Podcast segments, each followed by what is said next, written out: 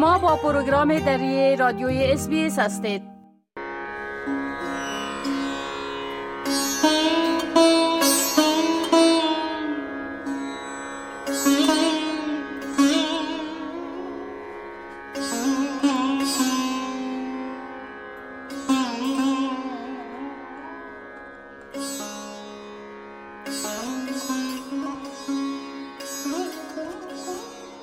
بگذشت مه روزه اید آمد و اید آمد بگذشت شب هجران معشوق پدید آمد ماه مهمانی خدا برای مسلمانان به پایان رسید و اینک نوبت جشن گرفتن و ایده گرفتن و تجدید دیدار کردن با خانواده و دوستان رسیده است. سلام و عید شما مبارک من فضیلت تصمیم هستم و امروز به مناسبت عید سعید فطر از شماری از افغانهای ساکن استرالیا می‌پرسم که عید را چگونه تجلیل می‌کنن و تجلیل عید در کشور چی فرقی با عید در زادگاه ما افغانستان دارد استرالیا خانه نزدیک به یک میلیون مسلمان است و مسلمانان افغانستان پس از عربی زبانان و اردو زبانان سومین گروه بزرگ مسلمان را در استرالیا تشکیل می دهد. افغانان نیز مانند سایر مسلمانان در سراسر استرالیا عید سعید فطر جشن می گیرند.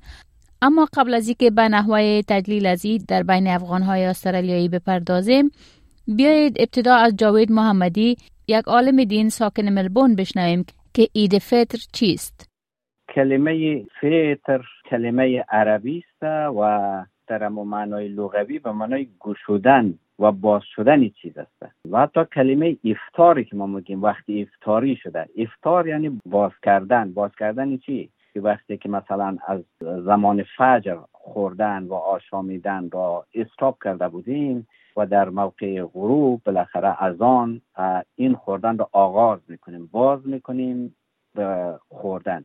کلمه افتار فطر اینا از یک ماده است به معنای باز کردن و گوشودن ولی خب در اصطلاح عید فطر در حقیقت هم زمان روزی است که مردم یک ماه روزه گرفته و از آغاز می‌کند برای خوردن و ضروریات هایی که در این مدت امساک کرده از جلوگیری کردن و در اصطلاح عام مردم تجلیل از یک ماه عبادت از یک ماه بندگی و از یک ماه تمرین و امساک در برابر نخوردن نیاشامیدن دروغ نگفتن غیبت نکردن تهمت نزدن اینا بوده. و از روز مسلمان ها می‌خواید تجلیل کنه و این تجلیل را با نماز عید شروع می‌کنه آقای محمدی که از حدود 20 سال به این سوده استرالیا زندگی می‌کنند در مورد نحوه تجلیل عید در خانواده خودش می‌گوید خب روز عیدی که اینجا میشه خب پیش از او همه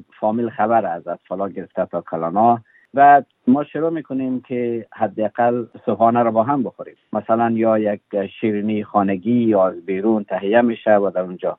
و در پیش از ترزو کسای کلاناست تلاش می‌کنه در نماز عید برد نماز عید شرکت کنه. و ارز کنم که اطفال های کوچیک هنوز هم ما عادت دارن ایدی می‌گیرن از ما. بعد همینطور ما روزهای عید تلاش می‌کنیم که خانه افکاری به دوستا بریم که در خیلی عملی نیست در اینجا. روزهای بعدی صورت می‌گیره در روزهای ویکند پیش کلانا بریم. و به خصوص کسایی که پیش از عید عزیزی خود را از دست داده باشد. و این اولین ایدی است که بر اونا میآید. اما به حال گروپ هایی که هست خود ما تلاش می‌کنیم که پیش او خانواده عید کردن بریم. و همینطور با دوستا فامیل ها و مجموعه حلقه های کوچیکی که هست سعی می‌کنیم که در بیرون خانه در فرصت های بعد از روز عید روزهای تعطیلی بریم در بیرون در پارک ها یا در یک سالن گرد هم جمع شویم و لحظات را بالاخره به عنوان تبریکی عید در کنار همدیگر به شادی بگذاریم. در اونجا غذاهای خوب بالاخره لباس های خوب میپوشن غذای سالم میارن اطفالا با هم بازی می‌کنن کلانا با هم گفتگو می‌کنن چای می‌خورن غذا می‌خورن. استرالیا یک کشور چند فرهنگی است و مسلمانان استرالیا نیز از کشورها و مناطق مختلف جهان با فرهنگها و رسوم و انانات خاص خودشان به این کشور آمدند. بنابراین یکی از مزایای تجلیل از عید در استرالیا دیدن همین رسوم و انانات رنگارنگ ایدی است. اما برای آنهایی که در افغانستان بزرگ شدن و از جشنهای عید در آنجا خاطره دارند، عید در استرالیا آن حال و هوا و رنگ و بوی عید وطن را ندارد. چنان که آقای محمدی می گوید در افغانستان کل جامعه عید را جشن می گرفت و همه در حال و هوای عید بودند در حالی که در استرالیا چنین نیست و مردم به دلیل باز بودن مکتب ها و کاروبار فرصت تجلیل آنچنان از عید را ندارند. افغانستان کشور اسلامی بود و روز عید به عنوان یک روز تعطیلی عمومی ازش تجلیل می شد یعنی ادارات تعطیل بود بالاخره کارا تعطیل بود و مردم در روز روز در خانه بودند و پیش از پیش برای این کار از مقامات دولتی گرفته تا ادارات لازم گرفته هماهنگی ایجاد می‌کردن. ولی در استرالیا این گونه نیست. مسلمان ها در اقلیت است و باز جامعه ما در اقلیت است. مکتب ها باز است کارها باز است و فرصت این که بشینه در کنار هم مثل افغانستان تجلیل کنه او وجود نداره. لذا که عید کمرنگ کرده. باز چون فضاها فضای عمومی نیست با آن هم خوبه. ولی خب برای مثلا پیشتر کردم که نشست ها باز دید و بازدید ها بین فامیلی تجمعات بعد از روزهای عید. ولی این که در روز عید از ادارات دولتی تا مردم همه هماهنگ روز عید بگیره اینجا وجود نداره. نه اون حالا هوای وطن نیست. احمد وفاق نیز یکی از کسان است که احساس را دارد. آقای وفاق که از هفت سال به این سود در شهر جلانگ ویکتوریا زندگی می کند می گوید که گاه اوقات که عید در روزهای وسط هفته واقع می شود اصلا آن احساس عید بودن را ندارد. چون اکثر مردم هنوز باید سر کار بروند. اگرچه در سالهای اول وقتی ما استرالیا آمدم در شهر جلونگ عید به خاطری که در وسط هفته قرار گرفته بود اصلا نفهمیدم که عید هم شد یا نه. یعنی درست به او شوق و ذوقی در افغانستان تجلیل می‌شد در استرالیا. همچید نیافتم ما یعنی دوستا خیلی کم ذوق بودن. اما در سالهای بعدی خوب بود. منتها در یک محدوده خاص در یک سالن یا حالی که ما کرایه می‌گیریم دمونجا دوستا جمع میشن یا بعض وقت در بعضی تا خواننده میارن و در بعضی تا مقسم یک تایب چالان می‌کنیم. یک دید و بازدید شوه به اون بهانه. خیلی مختصر تجلیل میشه نه به او اندازه ای که ما در افغانستان از اید تجلیل به عمل میوردیم یعنی تقریبا اید نیست در استرالیا. یعنی نمی‌تونیم تجلیل بکنیم. برابر به نبودن فکر بکنیم. وقتی که هیچ کس حتی خیلی دوستا سر کار میرن روز عیده خاصا روز اول که خیلی مهم است باید در نماز عید برن. اما به خاطری که همون شغلش اجازه نمیته یا کارش اجازه نمیته یعنی مصروف کاروبار خود هستن. حتی با فامیلای خود نمی‌تونن عید بکنن. آقای وفاق می‌گوید که تدلیل از عید حتی در بین خانواده ها نیز کم رنگ شده که باید روی آن کار شود. و فرهنگ مردمی حفظ شود.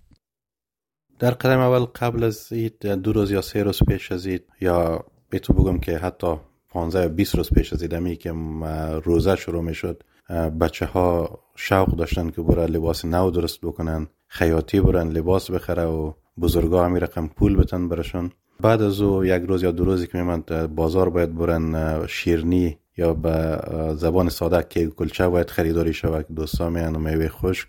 برای روزی آمادگی خاص گرفته می‌شد و صبح زودم که عید اعلان می‌شد همه می‌رفتن در نماز جمع نماز عید خوانده بعد از بزرگا را اینجا می‌دیدن. دوباره برمیگشتن خانه صبحانه را که میخوردن شروع می‌کردن به دیدن بزرگا مثلا پدر بزرگ و کاکاها و ماماها و خاله ها خانه از اونا می‌رفتن. یک دید و بازدید خیلی وسیع بود. یعنی سه روزی ما کلگی شمش دگشت بودیم دوستان میمدن خانه ما یا ما می‌رفتیم خانه دوستا. خاصا برای بچه های ما خیلی خوشایند بود که یدی بگی و معمولا توفه دریافت می‌کردن از بزرگا. اینی چیزا در استرالیا واقعا خیلی کمرنگ شده که باید روی ازی کار بکنیم ما. مو فرهنگ حفظ بکنیم. آیشه محبوب از انجمن زنان افغان در ویکتوریا نیز خاطرات خوشی از روزهای عید در کابل دارد. اما می‌گوید که تلاش می کند که برای فرزندانش در استرالیا نیز خاطرات خوشی از عید به ثبت بگذارد. ما در کابل در منطقه که زندگی می‌کردیم نزدیک خانه ما یک میدانی بسیار کلان و مقبول بود که روزای عید معمولا در اوج همی دولیگکا و اسپکای چوبی و طالب جنگان و این چیزا می آمد خاطره که همیشه به مغز مد که تا بعد وقتا خواب هم می‌بینم که کاش که او روزها دوباره بیایه همی بود که شب تا صبح ما منتظر میبودیم که چی وقت هفته برایه و چی وقت از مسجد کلگی بیایه که ما بدویم طرف میدانی. و اوجه دیگه اونم پیتگکای دی را کلش در جیب از نمو منداختیم. دو دو روپیه جایزه می‌گرفتیم باز دمور هم پس برای خودشان می‌دادیم. تا دیگر روز دیگه ایدی هم رفته بود و ما از نفس مانده میامدیم پس خانه بسیار روزای خوش بود. در اینجا هم زیاد کوشش می‌کنیم که یک چیز دهید بکنیم که برای اولادای ما یک خاطره بانه که وقتی کلان پشت خود نگاه کنن و بگوین چه ویدایی داشتیم با فامیلای خود. و آیشه محبوب ظاهرا در این کار خود موفق بوده است. مسکای کوچک دختر خانم محبوب است که می‌گوید تا همین حالا هم لحظه های خوشی را ثبت دفتر خاطرات ایدیش کرده. در اید فامیلا باید به هم یک جا شوند و خوشی کنند. فامیلای من همیشه در یک حال به هم یک جای می شویم برای من از طفولیت در حال اید بسیار پرخاطره است. مخصوصا وقت کلانا برای من ایدی می دادم. انجمن زنای ویکتوریا هم طی یک محفل اید را تجلیل می کنند. خانم منیره تاهری در مورد این محفل می گوید انجمن زنان افغان در ویکتوریا از ده سال اخیر بدین سو جشن های اید و نوروز و روزها جهانی زن را با هموطنان عزیز خود ما یک جای تجلیل می کنیم برنامه های ما فضای گرم و صمیمانه دارد و مخصوصا برای خانم ها می باشد محفل ترتیب شده امسال ما به خیر جشن عید الفطر است که به تاریخ 5 می در دندینانگ تجلیل میشه. نمبر تلفن هم داریم که شمارش از یک سیصد هشتاد و شش هفتصد و نود و نو می باشه.